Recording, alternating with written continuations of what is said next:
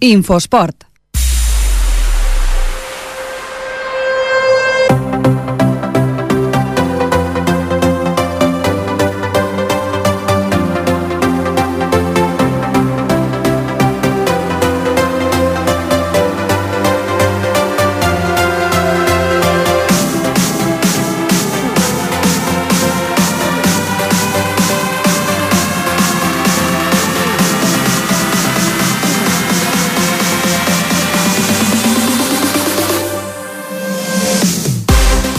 Tarda, benvinguts a l'Infoesport. Un dilluns més repassarem l'actualitat dels clubs i dels esportistes de Ripollet en aquest programa des de les 7 fins a les 8 de la tarda cada dilluns amb tots vosaltres. Arrencarem ràpid perquè tenim un menú molt carregat amb molts temes, així que ràpidament arrencarem a repassar els marcadors com cada setmana. Al control tècnic, el Jordi Puy, us parla l'Òscar Torrico. Comencem. El marcador. I la nostra companya, la Mèriam Laura. Mèriam, bona tarda. Bona tarda. Ens ajudarà a repassar aquests marcadors. Començarem pel futbol, oi, Mèriam? Sí, Futbol masculí a segona catalana, el club de futbol Ripollet trenca la bona ratxa de resultats. el Club Futbol Ripollet 0, Catalana 1, un gol de l'equip de Sant Adrià als primers instants de la segona part provoca la primera derrota en 7 partits. L'equip baixa a cinquena posició de la classificació, amb 18 punts a 4 dels líders Molletense i Carmelo. A la tercera catalana, la penya deportiva Pajaril perd el camp d'un dels equips de la part alta de la classificació. Can Boada 3, Pajaril 2. L'equip va començar perdent, tot i que dos gols d'Isma i Armand van donar la volta abans del descans, però els locals van anotar dos gols a la segona part per guanyar. El Pajaril és 14è a la classificació, a tocar dels jocs de descens amb 9, 9 punts sumats amb 10 partits. Seguim a la tercera catalana, l'escola Futbol Base Ripollet guanya el primer partit de la temporada a domicili al camp del Coé. Vic Riu primer B, 2, Escuela Futbol Base 5. Diego Pérez, Mi Miguel i Jordi posaven el seu 0-3 abans del descans i a la segona part de nou Diego i Juan. Antonio certificava la golejada, que els locals només van maquillar al final amb dos gols. L'equip, que suma 5 partits seguits sense perdre, és 14è la primera posició fora del joc de descens. Ha aconseguit 11 punts en 10 jornades. Baixem una categoria a la quarta catalana. El filial de l'escola Futbol Base segueix sense saber què és el triomf després de 7 jornades de Lliga. Montcada B3, Escuela Futbol Base B 0. Amb un empat i 6 derrotes, el segon equip de l'Escuela Futbol Base és avantpenúltim a la classificació. I per acabar amb el futbol masculí, deixem la competició federada i anem a la Lliga Agdea. El Lander Baiano suma la tercera victòria seguida. Deportivo Breucan 3, Lander Baiano 6, gols de Dani, 2 d'Oriol i 3 de Belmet. L'equip és cinquè a la classificació d'aquesta lliga corporativa, amb 16 punts sumats de 21 possibles. Passem al futbol femení. Segona catalana, el derbi aquesta jornada. L'escola de futbol base s'imposava amb claredat a davant del club de futbol Ripollet femení. Escola Futbol Base Femení 5, Club Futbol Ripollet Femení 0. Els gols de Júlia, Blanca, Sara i Josefa i un d'Irene en pròpia porta certificaven un clas triomf des del camp de l'Industrial. L'escola Futbol Base Femení ha guanyat tots els 5 partits que ha jugat i és líder en solitari. A l'altre extrem, extrem de la classificació, el Ripollet Femení tanca la llista amb només 2 punts en 7 jornades. Anem cap al futbol sala. En aquesta disciplina, el futbol sala Ripollet, que juga a tercera nacional, va ajornar el seu partit a la pista de l'Arenys de Muny. Eh, anem al resultat del filial, llavors, a Divisió d'Honor Catalana, el segon equip del futbol sala Ripollet, com dèiem, suma la quarta victòria consecutiva. Castellar 1, Futbol Sala Ripollet B 4. Tres gols d'Ivan- Avilés i un de Fran i Ruzo donen el triomf als, als nois de Rubén Jiménez. El segon equip del Futbol Sala Ripollet és segon a la classificació amb 16 punts a dos del líder al Gavà. Seguim baixant a la tercera divisió catalana, l'Inter Ripollet deixa escapar els primers punts de la temporada a casa.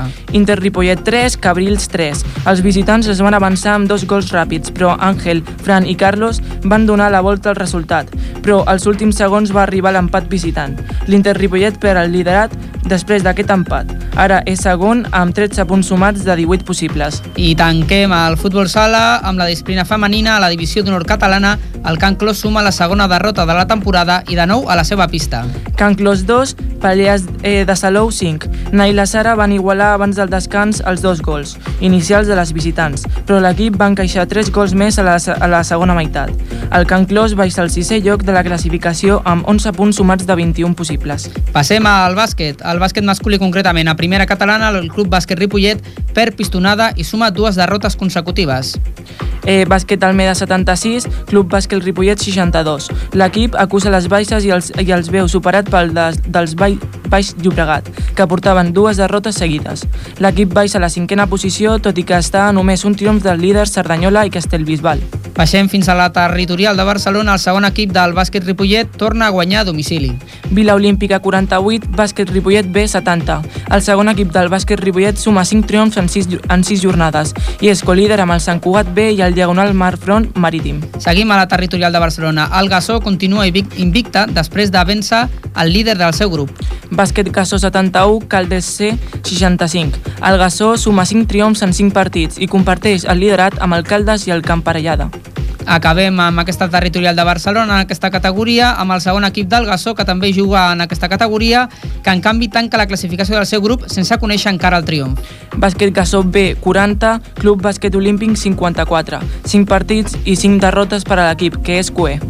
Anem cap al bàsquet femení. A la tercera catalana juguen els dos equips de la ciutat, segona derrota de la temporada per al bàsquet femení Ripollet. Bàsquet Gassó femení 26, Barça Granà 43. El bàsquet femení suma 4 victòries en 6 partits, una victòria menys que el líder en solitari, el, el bàsquet Jord de Sant Boi. Tampoc ha pogut guanyar aquesta jornada el bàsquet femení Ripollet. Bàsquet Ripollet femení 59, Unió Bàsquet Mir 67. L'equip de David Igualada es despenja del capdamunt de la classificació. Té 4 victòries i 2 derrotes. Anem cap al tenis taula, segona derrota del tenis taula Ripollet. Bo Borges General Dolis 4, tenis taula Ripollet 3. Queden quarts a la classificació amb 8 punts.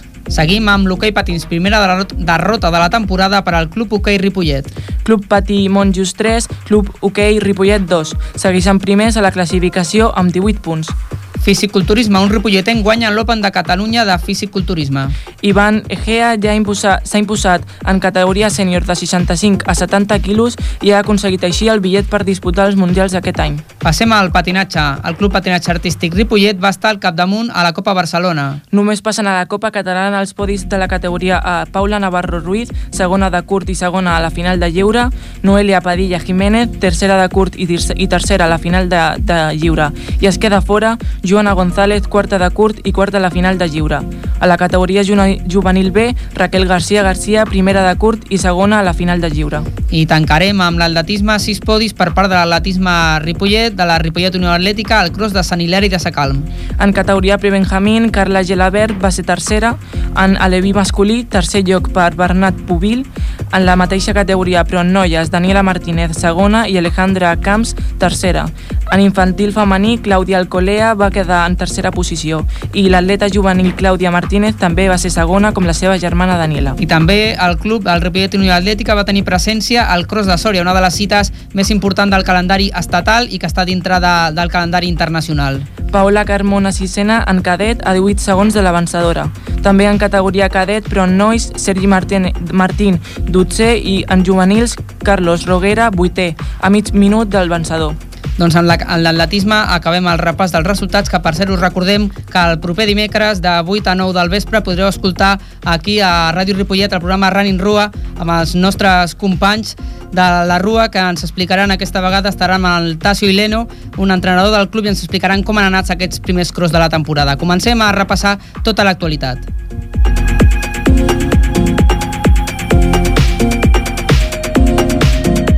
Futbol, futbol. Doncs després de tot aquest repàs dels marcadors, començarem amb el futbol i avui ens endinsem amb el derbi femení, com no podia ser d'una altra manera, entre l'Escola Futbol Base i el Club de Futbol Ripollet. I va estar ja veient el partit el nostre company, el Jordi Soteres. Jordi, bona tarda. Hola, bona tarda, Òscar. Com va això? Bueno, va ser un partit molt desigual. La veritat és que va ser un partit on hi ha un, un, un líder amb molts punts que no ha perdut cap partit i un altre equip, És Ripollet. l'Escola Futbol Base. Sí, és l'escola de futbol base i un equip, el Ripollet, pues, que li costa una miqueta fer joc. En realitat, mm, és trist dir-ho, però en el Ripollet, el Ripollet crec jo que no va fer ni un xut a porta, que amb prou feines va arribar a tres quarts de camp, a fer perill i l'equip rival amb una central tremenda, una jugadora amb una potència impressionant i amb un joc directe posava la pilota a dalt i la feina que tenia l'equip del Ripollet per sortir, per sortir amb la pilota. No? Potser la manera, trobo jo, que hagués sigut de, de, de jugar pues, a la pilotada, posar la pilota en el terreny d'ells i una mica així. Mm, jo, veritat- jo penso que serà millor que parlin les jugadores que tenim. Mm. La veritat és que es va notar que era el líder, no? L'escola de futbol Sí, bàsic sí, es va, porta una temporada... es va notar, es va notar i no va jugar la seva jugadora referència, que és la Raquel Corral, una jugadora que ha jugat a l'Espanyol, que ha jugat a un altre nivell, i, i ella no va jugar perquè està lesionada. Jo crec que si juga ella, bueno... Doncs em sembla que tenim a l'altre costat de la línia telefònica a la Raquel Corral. Raquel, bona tarda. Hola, buena tarde. Jordi, tota teva. Hola Raquel, ¿qué tal? ¿Cómo estás? Bien, bien. Estupendo. Aquí estamos. Bueno, vamos a ver, ayer no jugaste por estar lesionada. ¿En cuánto tiempo puedes volver a jugar, Raquel? Más o menos unas cuatro semanas aproximadamente. Perfecto. Bueno, Me- mejor que Messi, entonces, ¿eh? sí. Bueno, más Vale. o menos. Mm, Vamos a ver, Raquel, eh, ¿qué objetivos os habéis marcado como equipo en esta temporada? Bueno, nuestros objetivos es ir creciendo y formando la plantilla para poder llegar a fin de temporada bien y poder luchar por un ascenso. Eh, ¿Qué progresión ha tenido el equipo con respecto a la temporada anterior? Hemos progresado bastante, eh, han habido jugadoras más que también han, han hecho refuerzo en el equipo y las, y las antiguas han, han hecho un trabajo estupendo de cara al año pasado a este. ¿Qué tipo de juegos va mejor con la plantilla que tenéis? Yo ayer vi una plantilla que con, con vuestra central eh, poníais el balón, es un una futbolista que pone los balones arriba y es a partir de la pérdida de ellos en las caídas de balón donde vosotras hacéis daño. ¿Es este el fútbol que, que crees que le va mejor a la plantilla? No, el fútbol, este, no- a ver, no es el que solemos jugar siempre. Lo único que hay partidos que, que tenemos que, que sacar ese, esa pieza que tenemos grande ahí abajo. Es una, gran, una grandísima jugadora por la cual aprovechamos mucho las llegadas desde atrás y un pase de ella, un pase de, de Saray puede ser medio gol. Sí, sí, la verdad, la Lo verdad. intentamos aprovechar bastante. Sí, sí, la verdad es que tiene, tiene una fuerza en su... Además, además es, es tramposilla. ¿eh? Ella, el punto de, de partida, por ejemplo, en un balón parado, en una falta, es en un punto determinado y como te des cuenta te la, te la pone dos metros arriba y con el chut que tiene, con el golpeo que tiene, a- aún, aún te hace más daño. Es una... Exactamente, hace mucho daño. Sí, sí, es una Lo futbolista. bueno de nuestro equipo es que, que intentamos apoyarnos, ir una por todas y así vamos creciendo día tras día y eso es lo más importante. Somos una familia y amigas que son lo más importante en un club. Yo quería mm, que explicases un poquito tu currículum. Yo te, yo te conozco desde hace muchísimos años, cuando tenías seis o siete años que jugabas en el Pajaril. ¿Y en qué equipos has jugado? Para que la gente lo sepa, claro. Tienes solo Bueno, 22 mi- años, ¿eh? Tienes solo 22 Sí. años. Bueno, mi carrera fue, como tú ya sabes, primero en el Pajaril, después de allí me fui al Español, estuve varios años allí y me vine a buscar un equipo de Murcia. Y estuve una temporada allí en Murcia, jugando en Nacional, para subir al equipo a Primera División Femenina. Y después de allí me bajé aquí, jugué en Levante Las Planas y volví al Español, a mi antiguo equipo oficial. Estamos hablando de, de equipos que están en la élite, en, la- en las dos primeras categorías de- del fútbol estatal. Sí, Y luego llegaste aquí a Ripollet. ¿Cómo fue esto de llegar aquí a Ripollet? Bueno, me tuve una gran lesión en, mi, en uno de mis momentos más grandes deportivamente y bueno, y no me recuperé. No había manera de recuperarla y decidí dejar el fútbol tres años. Yo, lo que sí que quiero decir, Raquel, es que eres un ejemplo de humildad y actitud con tus compañeras ¿eh? en, una competición que de hecho no es la tuya, porque no es la tuya. En realidad, mm, yo quiero destacar una cosa y es que eh, yo, he jugado con, yo he tenido en, en- los equipos que he entrenado jugadores que habían jugado, por ejemplo, en el Barça en el Español y decían, como mis compañeros son malos, yo no rindo. En el caso tuyo es al revés. Yo creo que lo que haces es rendir, hacer que rinda muchísimo más el equipo. Te querría pre- preguntar, para finalizar, porque no tenemos tiempo, ¿eres feliz jugando en con estas futbolistas, con tus compañeras? Sí, soy muy feliz. Es un, es un equipo, un gran club, una gran familia, unas compañeras encantadoras que se dejan ayudar, que me ayudan y eso es lo más importante de un equipo, ayudarnos unas a otras y que en el campo se vea que somos un que hay un compañerismo y somos una O sea, el equipo somos una. Eso es lo más importante para mí. Me alegro por ti, sobre todo por los años que hace que te conozco. Me encanta que me digas esto y sobre todo, Raquel, que seas muy feliz, que, que seas muy feliz jugando a fútbol y que puedas llegar otra vez a jugar, porque solo tienes 22 años, a jugar en categorías importantes. I suerte en esta Gracias. recuperación. Muchas gracias. Gràcies, Raquel. Bona nit, Raquel. A ti. Tenim també a una altra... Tenim també una altra jugadora, eh, en aquest cas del Club de Futbol Ripollet, oi Jordi, per repassar com va anar aquest partit, no? Sí, sí, sí, tenim a l'Helena Torralba del Club de Futbol Ripollet. Sí, però encara no ens diu el Jordi, però la tindrem en un minut, eh? Llavors anem parlant del partit. Bueno, sí, el partit, com comentava abans, és un partit eh, que té poca història, fonamentalment perquè hi ha un equip molt superior, molt superior que potser, mm, crec jo, pues que, que bueno, el, la forma en què jugava l'adversari, en aquest cas el Ripollet, era, eh, el Ripollet és un equip que vol jugar amb, amb, amb joc combinatiu, tocant, passant-se la pilota d'un jugador a l'altre, i això en realitat és molt i molt complicat, perquè això no és fàcil, això ho veiem, mm -hmm. ho veiem per la tele o ho veiem al camp amb un equip determinat, potser no ho fan gaires equips, jo diria que cap, i aquest format, de fet hi ha gent que diu que, que en realitat aquest futbol que fa el Barça és, un, és fotut perquè el vol copiar tothom i es, no està a l'abast de ningú. És a dir, jugar com el Barça juga el Hi ha Barça voluntat, i prou. però és sí, sí, no, no? juga ni el Bayern de Múnich, amb el Guardiola d'entrenador. Tenim ja la jugadora del Club de Futbol Ripollet, Jordi, al telèfon. Ah, Hola, Helena. Hola, bon dia. Hola, bona què tal? Bona tarda, ja, sí. Escolta, tenim molt poc temps i farem, a veure, ja veuràs, partit molt difícil ahir, la, la realitat és aquesta. Eh, Quines uh -huh. sensacions et deixa el partit en a tu, personalment, i en a l'equip? Uh, bueno, considerem que érem conscients de que era un partit, un partit difícil, uh, és per això que vam sortir amb un plantejament defensiu.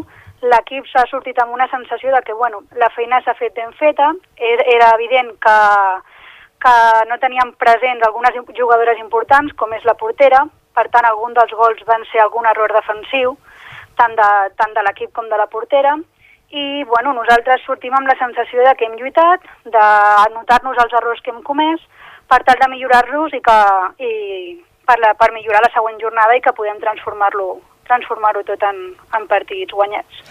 Què creus és difícil? Què creus que es pot fer per millorar el rendiment a l'equip?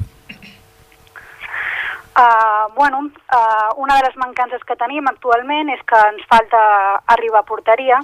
Defensivament crec que som un dels equips més forts de tota la Lliga. De fet, som un, un dels equips menys col·legiats. El que passa que ens falta una mica acabar de definir a porteria. Penso que personalment ens falta una mica, tenim una manca de confiança al xutar, però bueno, ens falta creure'ns una mica que podem definir correctament i que anem amb el bon camí. Estem treballant dia, dia rere dia per tal de- d'aconseguir-ho. Perfecte, perfecte, Helena. Doncs esperem que, que tingueu aquesta sort i que es vagi definint aquesta, aquesta punteria de cara a porteria perquè segur que anireu escalant posicions perquè sabem que sou un grup que, que teniu una bona comunió i que esteu treballant molt per, per anar pujant cap amunt. Moltes gràcies, Helena. Bona Moltes tarda. gràcies, Helena, bona nit. Vale, moltes gràcies a vosaltres. Adéu.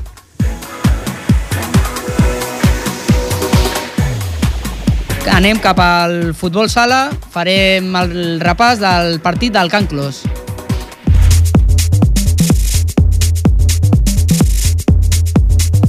Doncs el nostre company, el Marc Mata, va estar veient el partit del Can Clos que jugava aquesta jornada a casa contra el Playas de Salou i que sumava la segona derrota de la temporada, la segona com a equip local. El Marc ens explica com va anar aquest partit.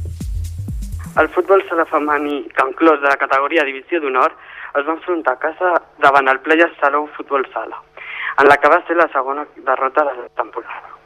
Un, amb un marcador 2 a 5, mantenint-se a la part alta de la classificació.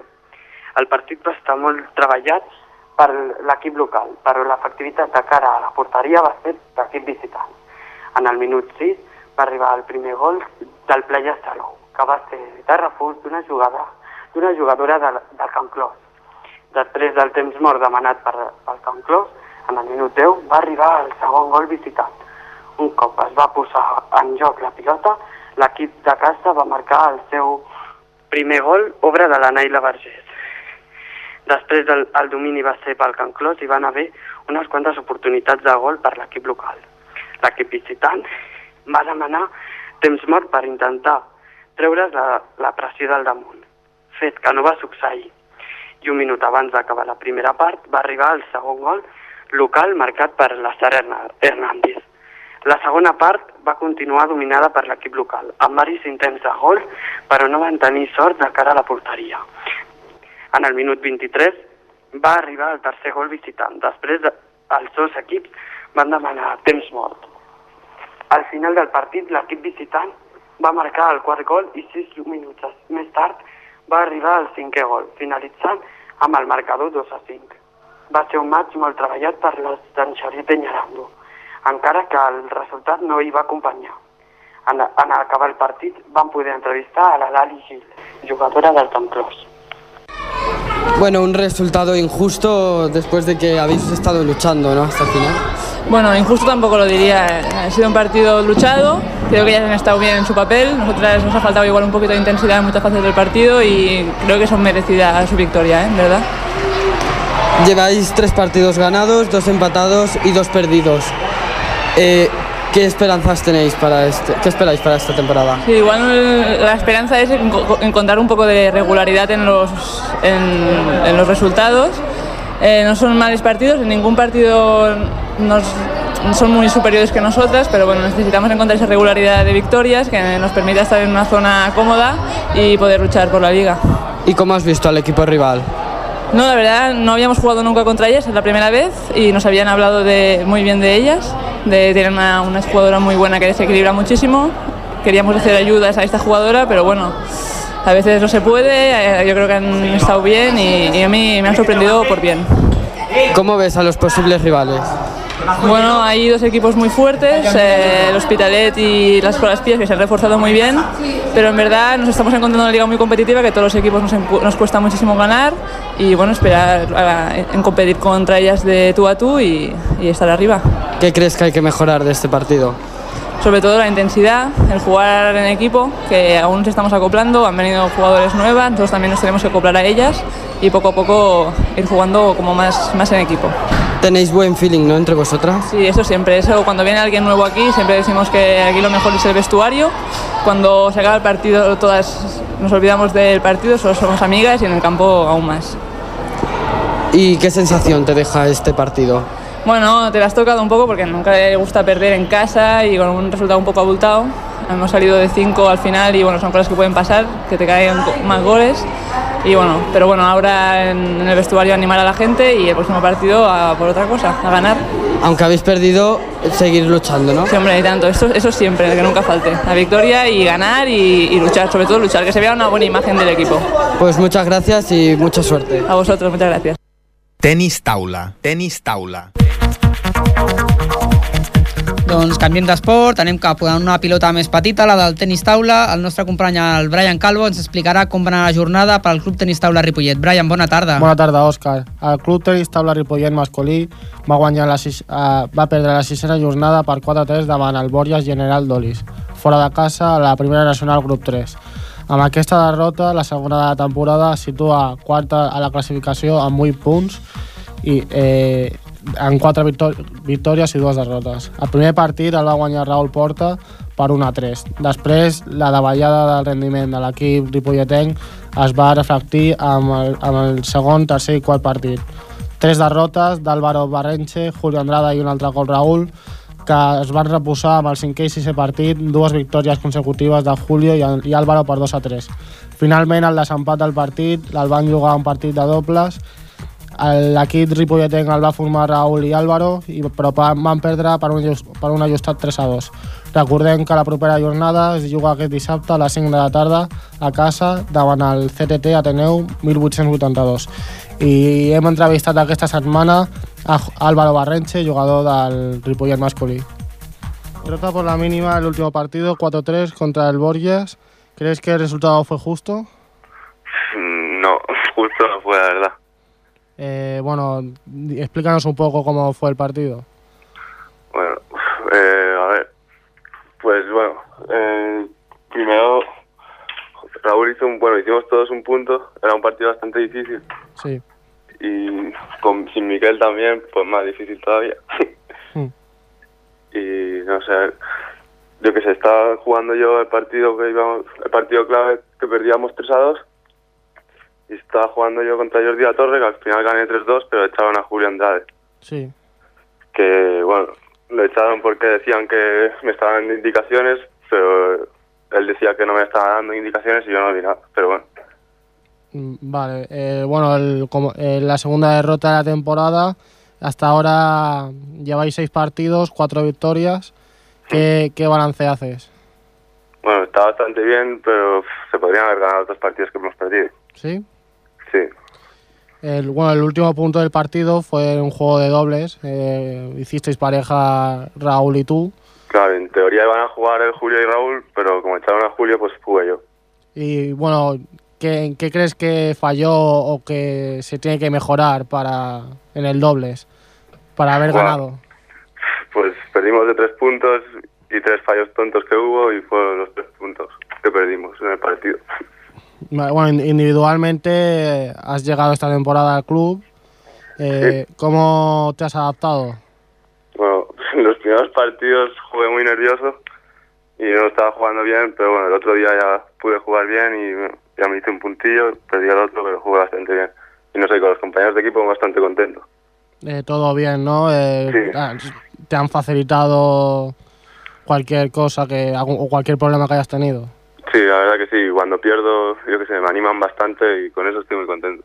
Vale, y el, el próximo partido contra el CTT Ateneu, eh, ¿qué predicción o qué te esperas del partido? Bueno, es un partido difícil, en verdad, pero en teoría tenemos que ganarlo.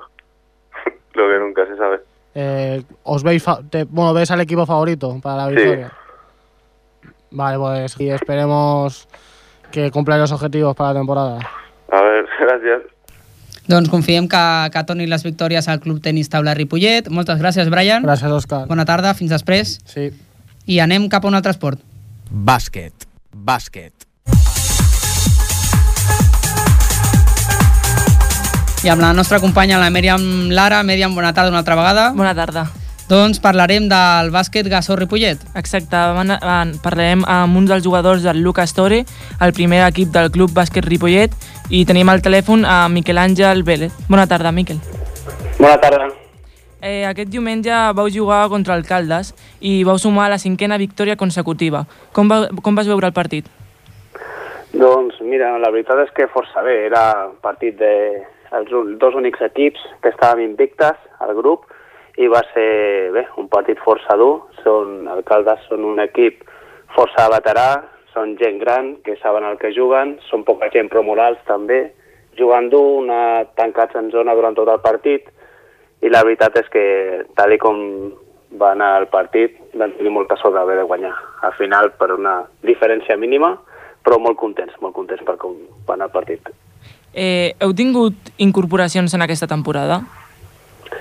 Eh, doncs no, la veritat és que no, continuem amb el mateix bloc, de, amb el mateix equip de l'any passat, estem força conjuntants, ja portem pot, molts anys jugant junts, i a més la majoria de l'equip des de petits, a la categoria inferior del, del Sant Graviel, després al Ripollet, i en això la veritat és que tenim sort perquè tenim un, un grup humà molt maco, ens entenem tots i a més a més som amics, no es pot demanar més.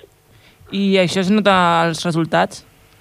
Sí, sí, la veritat és que sí. A part d'això, de que ens, ja et dic, som un grup d'amics molt macos, hi ha gent de moltíssima qualitat i que hem crescut tots junts i hem, pues, bueno, no pesa el bàsquet d'aquí a Ripollet i estem supercontents i això es nota a l'hora de jugar també. Com, a, com us coneixeu tots, què milloraries del vostre atac o de la vostra defensa? Doncs mira, la veritat és que a l'atac no ens podem gairebé ni queixar, però bueno, la veritat és que eh, crec que pequem de massa tir de 3, és el, bueno, un dels nostres punts febles, però també un dels punts forts, perquè quan entren les canastes eh, va de meravella, i el tema de la defensa potser una mica, de vegades ens distraiem i ens agafen massa rebots en atac, però quan ens fiquem a tope la veritat és que si guanyem els partits els guanyem per la nostra defensa. O sigui que bé, a millorar però no ens podem queixar. Com veieu aquesta temporada? Doncs molt bé, molt bé, la veritat, hem començat molt forts, tal com has dit, cinc victòries consecutives i a més amb un parell d'equips del que estaran a al final de temporada, però sobretot el que més ens costava, el, el, el que més punts donava era el, el Caldes, però ha anat molt bé, i bueno, esperem acabar entre els tres primers i continuar amb aquesta ratxa.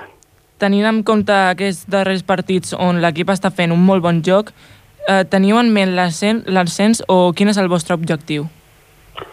Bueno, com, com saps, no és el, ja hem guanyat en anteriors ocasions la categoria, és a dir, hem, hem quedat primers i hem, hem guanyat la plaça d'ascens, però si més no, com que el nostre objectiu és al, al final és acabar passant-ho bé i jugar, no tenim infraestructura i tampoc Mhm. tenim intenció de, De de pujar de categoria. O sigui que el nostre objectiu és quedar primers i a partir d'aquí pues, disfrutar cada setmana i dels amics i del bàsquet. Mm, molt bé, doncs eh, que gaudiu, que continueu jugant així, continueu fent victòries i com a mínim, si quedeu primers, doncs aquesta satisfacció us l'emporteu. Molt bé, doncs moltes gràcies. Moltes gràcies, Miquel. Bona tarda. Bona tarda. Adéu. Gràcies, Mèriam. A tu. Hockey, hockey, hockey. Doncs continuem amb l'hoquei. Eh, el club hoquei Ripollet, que aquesta jornada eh, patia la primera derrota de la temporada en el setè partit de la Lliga a la segona nacional, el club hoquei Ripollet que eh, queia davant el club Patí Monjos a la pista de, de l'equip dels Monjos per 3 gols a 2. Un partit eh, igualat, el Club Hoquei Ripollet fins ara havia tret tot de victòries aquesta temporada i ha arribat aquesta primera desfeta després de 7 jornades, tot i això doncs, eh, segur que, que es reposarà ràpid l'equip perquè pels partits que, que l'hem vist jugar doncs, eh, està, està fent una molt bona feina. Fins i tot se li queda una mica petita la, la categoria amb els rivals. Eh, em sembla que tenim el Pol Vallès a l'altre costat del telèfon, intentarem parlar amb ell, a veure si aconseguim eh, parlar amb ell. Està comunicant, em diuen, doncs eh, esperarem una miqueta, intentarem parlar després amb el Pol Vallès.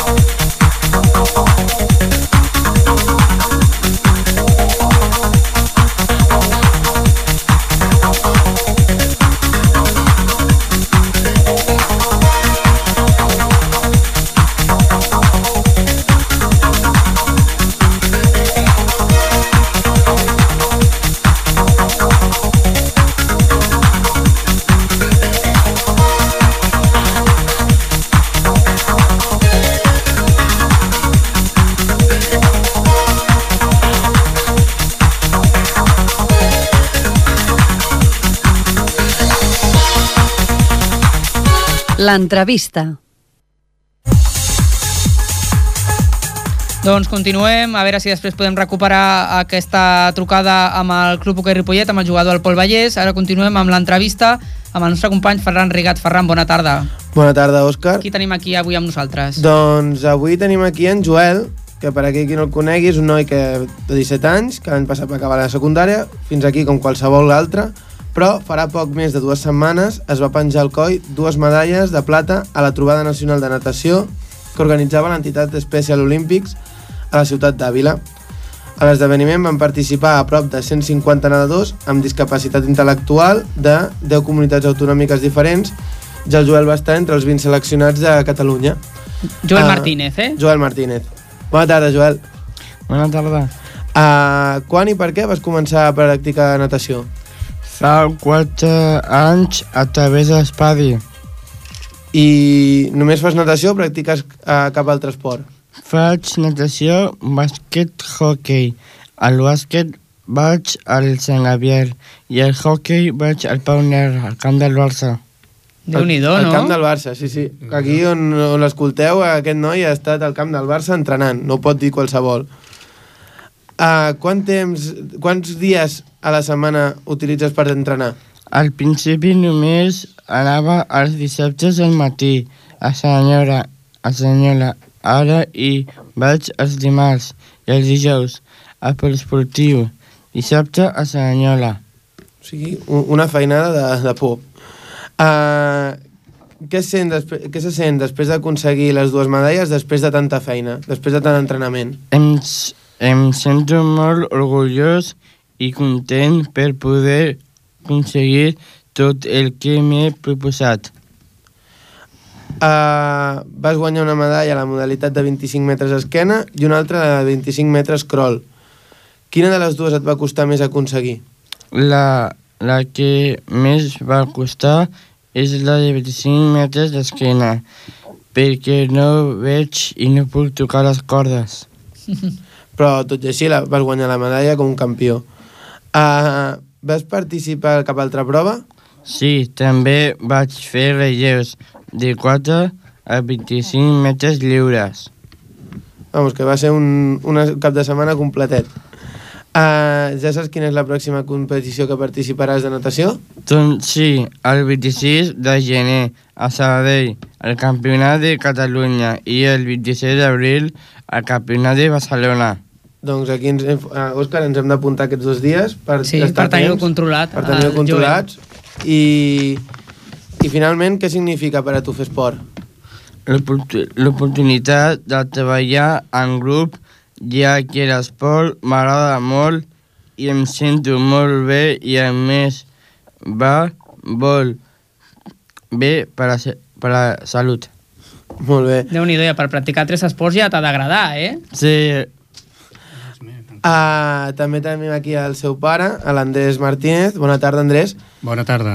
Uh, com, com acaba en Joel participant en aquest esdeveniment a, a Àvila?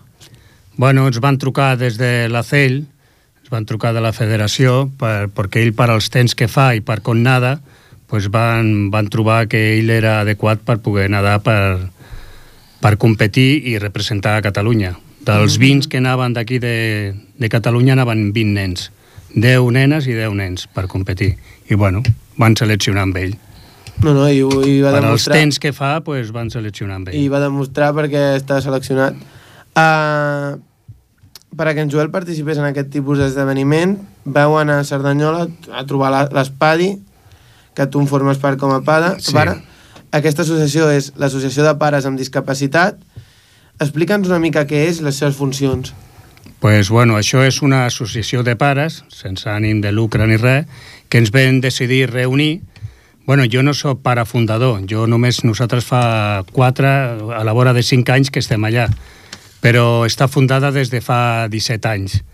I es van reunir uns pares que tenien aquesta problemàtica i no hi havia oportunitats ni res, i els nens, pues, tenir-los a casa tot el dia, pues, gairebé ells són molt Mm. hiperactius i necessiten pues, treballar-hi. I veu buscar el tema de l'esport, no? Vam buscar el tema de l'esport, el tema de les manualitats, tema de... Bueno, perquè fan moltes coses. Mhm. I poder pues, tenir-los pues, fent alguna cosa. Fan manualitats, esports, eh, eh, fan bàsquet en el Sant Graviel, fan també balonmano a Cerdanyola, fan també ping-pong, també Mhm. actuen en ping-pong, que també treuen bones medalles.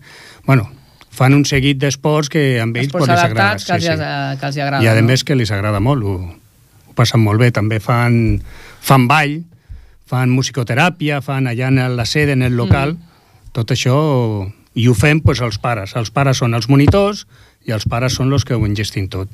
Mm. Llavors, per part de l'Ajuntament, només eh, m'has comentat abans que només us cedeixen a l'espai, res més, no?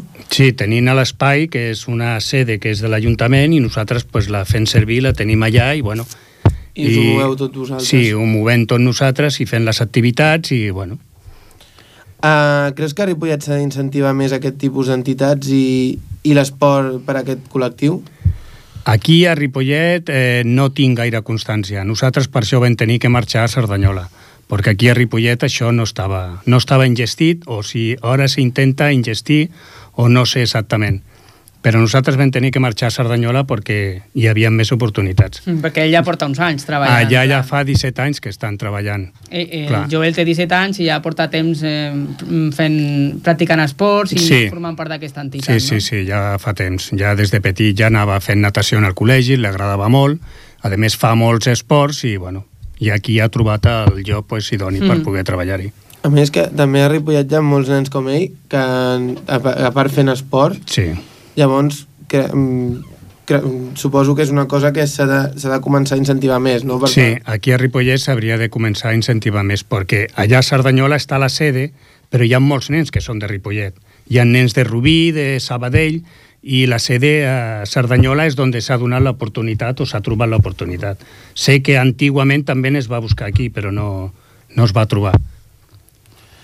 I, bueno, jo res més, eh, no tinc res més a preguntar. Tu Us agraïm cosa? al Joel i a l'Andreu que hagueu vingut i ens haguéssiu explicat aquesta història i l'encoratgem al Joel a que segueixi fent tots aquests esports, que em sembla que ningú de nosaltres eh, faria tant d'esport, eh? Perquè les agulletes, que com les portes? Bé, molt bé. Sí, ja no tens agulletes, Sí, clar, no. si fas tres dies a la setmana mai tens agulletes. no té clar. agulletes, no, la veritat Ja és que estàs no. ben preparat. No saps el que és, no.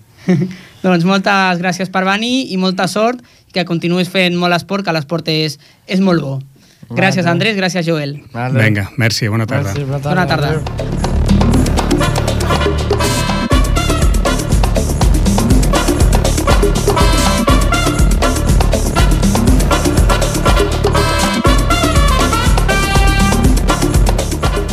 Doncs eh, passem a una altra cosa, eh, a una informació que hem donat a l'hora del repàs dels resultats. Un jove d'aquí de Ripollet, l'Ivan Egea, que ha guanyat a l'Open de Catalunya de Fisiculturisme, i ara ens explicarà ell en què consisteix aquesta, aquest esport, que té molta relació amb, amb els músculs, amb, amb, el, amb el físic. Eh, eh, parlem amb l'Ivan Egea. Iván Egea, buenas tardes. Buenas tardes. ¿De qué va esto del fisiculturismo? Explícanos un poquito.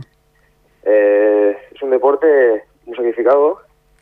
Eh, hay que tener mentalizado lo que buscas, dónde quieres competir, las federaciones. Y nada, es simplemente llevar un buen entreno, una buena alimentación y ya está. ¿Qué tienes que va- La alimentación sobre todo. ¿Qué tienes que hacer en las competiciones? ¿Qué- ¿En qué consiste la competición? La competición es, mm, hay que intentar salir lo más definido posible y ellos buscan simetría, dureza y tienes que hacer unas poses obligatorias, un minuto libre, que es una coreografía, cada uno hace la suya y al que más simétrico y ese más duro es el que su- suele ganar. Mm, Cuando nos hablas de lo más definido posible es la musculación lo más definida posible, ¿no? Eh, más- sí, gira todo más- en base a la. Mm, gira todo en base a la musculación, ¿no? Sí, la musculación. Mm. ¿Y cuánto tiempo llevas tú en esto? A ver, llevo muchos años, ¿vale? llevo siete años, así Ujú. más en serio, llevo desde que entreno en el gimnasio Bali, unos tres años, que me peso la, o sea, me, hacen las dietas, me peso la comida, llevo un control más, o sea, más estricto. Y, Es cuando he notado el verdadero cambio. ¿Y por qué, por qué decidiste optar por, eh, por esta práctica deportiva? Que quizá alguien puede pensar, pues a lo mejor es para gente que le gusta mucho mirarse a sí mismo o que le gusta mucho su físico. ¿Tú por qué entraste en esto? Pues la verdad lo mío viene de- desde pequeño. Yo, mi hermana ya iba al gimnasio, y pero ella hacía acrobacias. Ujú. y yo iba a verla, iba a buscar con mi madre y veía cómo entrenaba la gente y desde pequeño me gustó y cuando cumplí los 18, 17 años que me puedo apuntar pues empecé a entrenar. Pero ha sido de toda la vida, desde chiquitito ya más me gustaba este mundo. ¿Y cómo has ido consiguiendo esta musculación perfecta, vamos a decirlo así, entre, entre comillas? Esto poco a poco, so- sobre todo la alimentación, la dieta, entrenando cada día sin faltar ningún día al gimnasio, intentar no ponerse malo, porque este deporte lo malo que tiene es eso, que a la que te pones malo estás dos semanas sin entrenar o sin comer bien, lo que has ganado en dos semanas se pierde en dos días y es muy complicado. Sobre todo ya tío, constancia y saber lo que quieres, ponerte una meta y ya está. Mucha regularidad, ¿no? Estar Mucha ahí. regularidad, sobre todo, muchísima. Esta, este triunfo en el, en el Open de, de Cataluña, ¿es tu principal gesta o has tenido otras, o- otros títulos ya? Competí hace en el 2010. Ujú. Igual, lo que en vez de un Open de Cataluña fue el campeonato de Cataluña que era el normal. Si ganabas ese ibas al, o sea, ibas a europeo. Lo que este año han hecho diferente, han hecho el Open y directamente vas al del mundo. Que aquí de Cataluña, la federación vamos, somos siete y después irán por los demás países. Ahora más gente. ¿Cuándo se celebra este mundial? Es este sábado. Este sábado siguiente, o sea, que haces una competición y a renglón seguido tienes la otra. Sí. ¿Dónde es? Una semana. Es todo el día. Por la mañana hacen, hacen como la preselección, salimos todos y por la tarde es el campeonato. ¿Dónde se celebra? en París. En París, o sea que... ¿Y los billetes ya los tenías comprados o...? No, los billetes, todo se hace cargo la federación. Los billetes, el hotel, todo.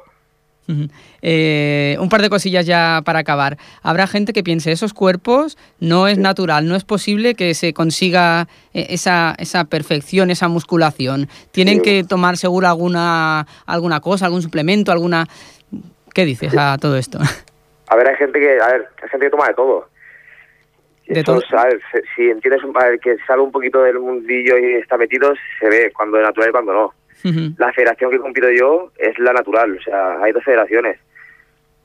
Esta es la natural. Y en la vuestra Así está todo hacen- muy controlado, con sí, muchos controles. Te hacen, te hacen unos controles, unos dos pintas en todo. Y el que da, pues lo retira, o sea, lo retiran y el que no, pues, para adelante. ¿eh? Y suplementación, pues, a ver, tomar se toma, pero más que nada son batidos de proteínas, creatinas y sobre todo muchas vitaminas. La última semana que es cuando estás más débil, que es cuando menos menos hidratos comes, comes más proteína. Y si no, es que no, es que no se podría ni, ni andar, ya Claro. se va hecho polvo. Y ya para acabar, esa, os echáis en el cuerpo un- como un bronceador, ¿no? Para que sea más vistoso. Sí, es un tinte. Un tinte directamente. Sí, se echa un tinte y después se echa un aceite que es para que brille y una laca que es para que cuando sudes no manches. ¿Y este tinte por qué es? ¿Porque ese color oscuro da más, más sensación, más volumen o por qué? Es, ahí está, va volumen, se te ve mejor, al estar rajado hace que se vean más las líneas, es más bonito. Bueno, pues a ver si te ven muy bonito ahí en el, en el Campeonato del Mundo este fin de semana en París y, y bueno, y te dan eh, esa alegría. Pues mucha suerte de cara, de cara a este fin de semana. Gracias, Iván. Vale, muchas Te gracias. seguimos. Hasta luego.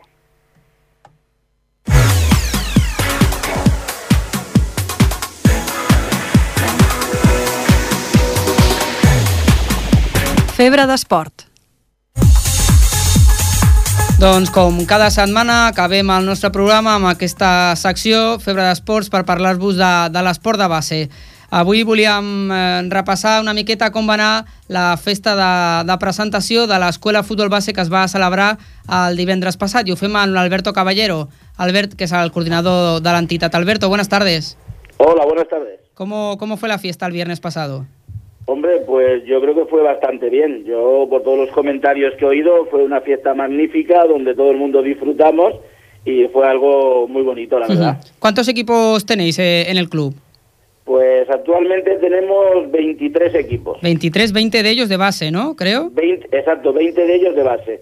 Tenemos dos equipos amateur y un equipo de veteranos y luego todos los demás de base. Bueno, y el femenino también, ¿no? Bueno, el femenino es amateur, pero nosotros lo incluimos Ah, vale, dentro lo de la base. vale, vale. Incluimos, eh, está considerado como, como fútbol base. ¿Y qué, qué, qué proyecto tenéis eh, educativo dentro, dentro del club? Hombre, nuestra mayor ilusión es formar personas. Y luego si además podemos formar buenos futbolistas, estupendo. Pero lo más importante, lo que aquí tenemos es la ilusión y la, la, la necesidad de formar personas más que futbolistas. Y luego, pues todo esto encaminado hacia el deporte del fútbol, donde hay una serie de, de valores que tratamos de inculcarle a los críos. Valores como el respeto, la educación, el compromiso y todas estas cosas. Y es difícil eh, llevar adelante toda esta tarea con todos estos chavales en la situación económica en la, en la que estamos. Hombre, la verdad es que sí, es bastante difícil. La situación económica condiciona bastante porque el fútbol de base, sobre todo, no es barato. Los padres tienen que pagar unas cuotas y, bueno, es, es bastante difícil. Eh, nosotros adecuamos las cuotas a las necesidades del jugador y gracias a ello pues podemos disponer de estos 20, equi- 20 equipos de base. Pues nada, os deseamos que, que sigáis trabajando así con todo ese empeño y que, que sigan saliendo las cosas adelante. Muchas gracias, Alberto. Muchas gracias a vosotros. Venga, un saludo. Buenas Un tardes. saludo, un abrazo. I avui tenim una doble ració de- d'aquesta secció de Febre d'Esports eh, perquè tenim també una invitada al nostre plató, el nostre company, el Brian Calvo. Brian, bona tarda de nou. Bona tarda, Òscar. Ens ha portat una jove esportista. Doncs sí, estem amb Clàudia Aguado, per qui no la conegui, és una noia de 10 anys que bueno, es dedica al patinatge artístic i que va ser bronze al Campionat d'Espanya a la VI, celebrat a l'Aurin de la Torre. Hola, Clàudia, bona tarda. Hola. Eh, per què vas decidir dedicar-te a això del patinatge artístic i a quina edat vas començar? Vaig començar als 4 anys i vaig posar-me els patins i em va agradar i vaig, i vaig tirar al davant. I et va costar molt aprendre a, Sí, a patinar? sí, però mica en mica vaig aconseguir millorar. Eh, els, quan treballes en els entrenaments, eh, quins exercicis practiques més? Eh, els salts i les piruetes. Hi ha molta diferència d'edat eh, als campionats No, solament un any. i creus que es nota molt? Tu ets de la categoria de l'Evi, ets més petita, vas 10 anys. Eh, notes molta, molt, la, molt la diferència? No, Eh, tens alguna patinadora de referència? Uh, sí, et- es, tenia la Rebeca Tarlassi, però ara ja no la, no la segueixo molt. vale. Estàs més centrada tu en entrenar tu ja ara, Sí. no? Eh, vas fer un programa curt excel·lent. Eh, Explica'ns una mica en què va consistir, quins exercicis vas fer. Vaig fer salts, piruetes, coreografia, eh, nia de passos. I què és, què és més complicat? Uh, pat, patinar bé o fer totes aquestes salts i piruetes i tot això? Bueno, les dues coses, perquè tens que anar millorant. És a dir, vas a poc a poc, no? Cada vegada Sí. prens una cosa més complicada, no? Sí. Eh, el el resultat, la medalla de bronze, classifica per la Copa d'Europa. Eh, quina, quin objectiu tens per a aquesta competició? Millorar les coses. Estem Eh. parlant d'una nena de 10 anys, eh? Classificada per la Sí. Copa d'Europa. Quina- de, a l'hora de viatjar. Has viatjat molt o no fins ara? No, No? No, Al Campionat d'Espanya sí que has anat algun Sí. viatge, no? Ah, quantes vegades has estat al, al Campionat d'Espanya? Només aquesta. Només aquesta vegada. Perquè l'any passat era Benjamí i no n'hi havia. Ah, vale. Començant els Campionats d'Espanya en la categoria a, I ja, a l'EVI. la primera vegada ha medalla de bronze. O sigui, Sí, ja- ja apunta maneres, Un eh? resultat molt a valorar. I quina posició creus que aspires al Campionat d'Europa? No sé. No ho saps perquè no saps ni, ni què competirà, clar, és, Ja. és novell en, en aquesta situació, és la primera vegada que tu trobaràs. Ja saps on has d'anar, aquest campionat? On es no, disputa? encara no. Encara no ho saps, és, És per l'any vinent, ve. no? I en el futur vols dedicar-te al patinatge artístic o de moment és un hobby que tens i Bueno, jo sí voldria ser entrenadora. entrenadora? Me- I competir també? Sí, però quan arribi...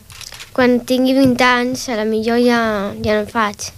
Ja no competeixes, no? Ja, jo tu veus la carrera fins aquí i dius, però vull seguir el patinatge vinculada, no? T'agrada molt fins, i- fins al punt de dir que vols seguir vinculada com a, com a mestra o com a, com a entrenadora, no? Sí. Eh, aquests sis anys, que, com els has viscut amb, amb això del patinatge? Bé, Eh, Entrenes molt? sí. Quantes hores entrena per, per poder arribar fins a tenir una medalla de campionat d'Espanya? Mm, moltes. El, el seu pare, que està aquí al costat, fa així amb la mà, dient molt, molt. 17. 17 hores a la setmana, diu Sí. el teu pare per aquí parlo Bajini. Sí. I això com ho, port, com ho combines amb els estudis? Doncs n'hi ha dies que tinc lliures i, i per, quan començo molt tard doncs vaig a estudiar una mica i al col·le també. Mm, Vale. Doncs la veritat és que té molt de mèrit totes aquestes ganes que li posen els joves esportistes per, per fer totes les disciplines, qualsevol que sigui, en aquest cas el patinatge artístic. Moltes gràcies, Clàudia, per venir. Gràcies al pare també, que ha estat aquí calladet perquè li ha deixat el protagonista amb ella. Gràcies, Brian, bona tarda. Gràcies a tu, Òscar. Nosaltres ens acomiadem fins al proper dilluns, que tornarem a estar aquí amb tots vosaltres a partir de les 7 de la tarda per repassar l'actualitat esportiva dels esports i dels clubs de Ripollet. Molt bona tarda.